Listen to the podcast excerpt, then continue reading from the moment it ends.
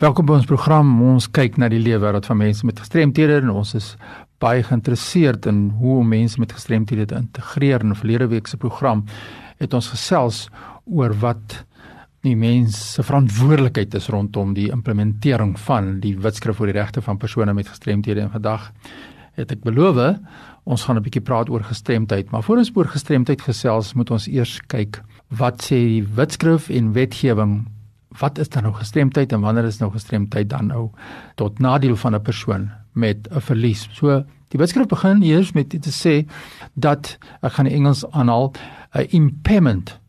Impairment is a perceived or actual feature in a person's body or functioning. En dit kan tot gevolg hê dan hierdie impairment of verlies of belemmering dat 'n persoon 'n inperking het, limitation, loss of activity, soos dit in die wetskrif staan in die wetgewing, of a restricted participation. Dis die terminologie wat hulle gebruik in die wetgewing. En dit is wat 'n impairment is. Dit is impairment het niks eintlik te doen met gestremdheid nie. Impairment is 'n gegewe. Dit is in my geval, kom ons neem nou 'n voorbeeld. Ek het gehoorverlies, totale gehoorverlies. So die limitation, die impairment is hearing loss. Dit is die limitation. Dit is 'n impairment. Beteken nog nie noodwendig as ek iemand is met gehoorverlies om te sê ek is dan nou 'n persoon met 'n gestremdheid nie. En dit is wat ons moet verstaan. Wat ons ook moet verstaan rondom die impairment is, die wat skrif in die wetgewings baie duidelik dit te sê the international classification of disease ICD could be utilized for the purpose of defining en daar het ons baie belangrike sake wat dit na vore bring. Eerstens is dit physical impairment sensory impairment, intellectual impairment, psychosocial impairment. Dit was ook tradisioneel mental impairments wat verander het na psychosocial impairment en dan die laaste een is neurological impairments. Ons mag kyk wat sê die internasionale klassifikasie van diseases soos dit hier staan, siekte toestande wat ons kan sien, maar dit is nog nie beteken dat hierdie persoon 'n gestremdheid het nie.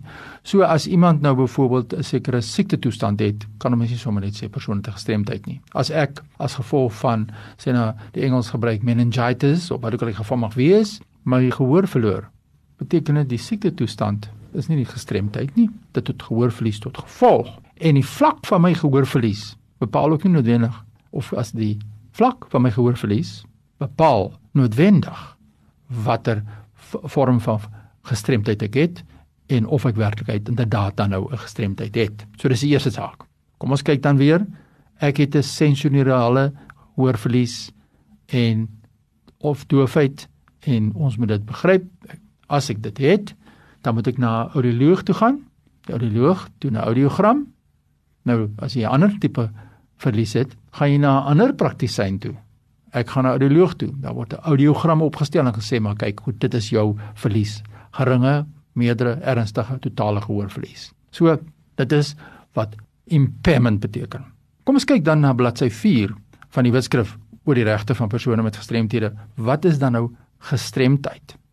Nou ons Suid-Afrika het die Verenigde Nasies se konvensie oor die regte van persone met gestremthede onderteken.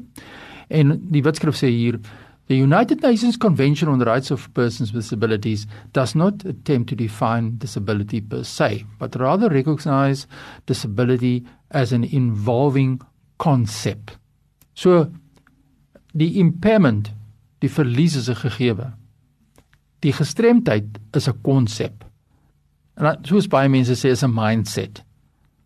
Disability is imposed by society when a person with a physical psychosocial, intellectual, neurological or sensory impairment is denied access.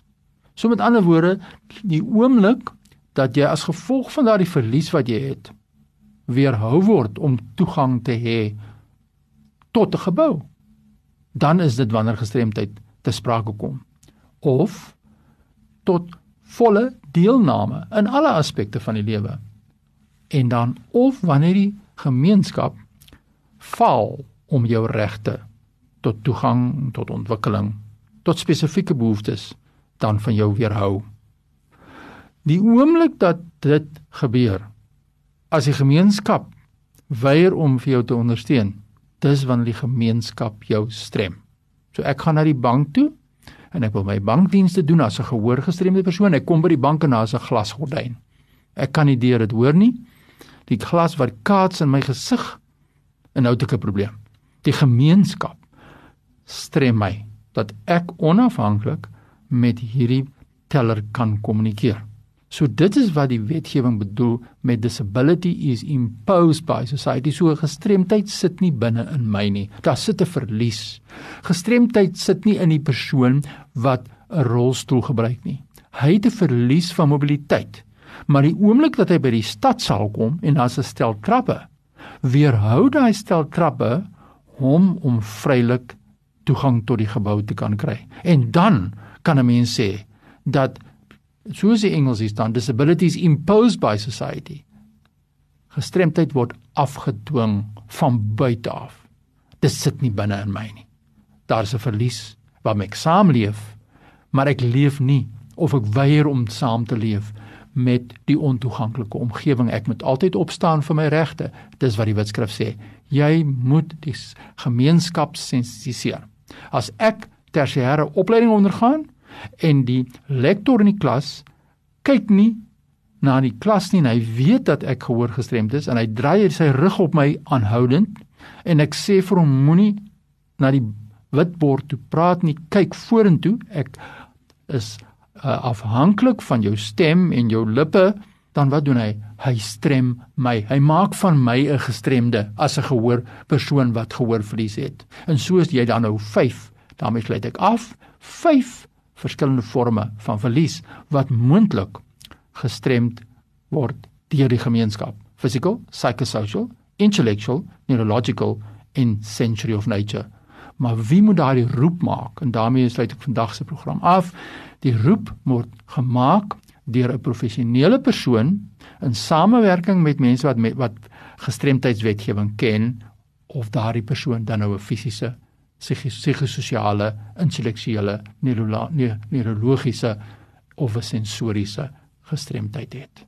Ek hoop dit plaas 'n bietjie die kwessie van impairment en disability in perspektief. As jy nou 'n vraag het oor hierdie saak, stuur my e-pos aan fani.dt by mweb.co.za dat ons verder gesels deur e-pos oor hierdie kwessie van wat is gestremdheid en wanneer word jy dan nou geklassifiseer as iemand wat hierdie gemeenskap gestrem word. Groetens tot volgende keer.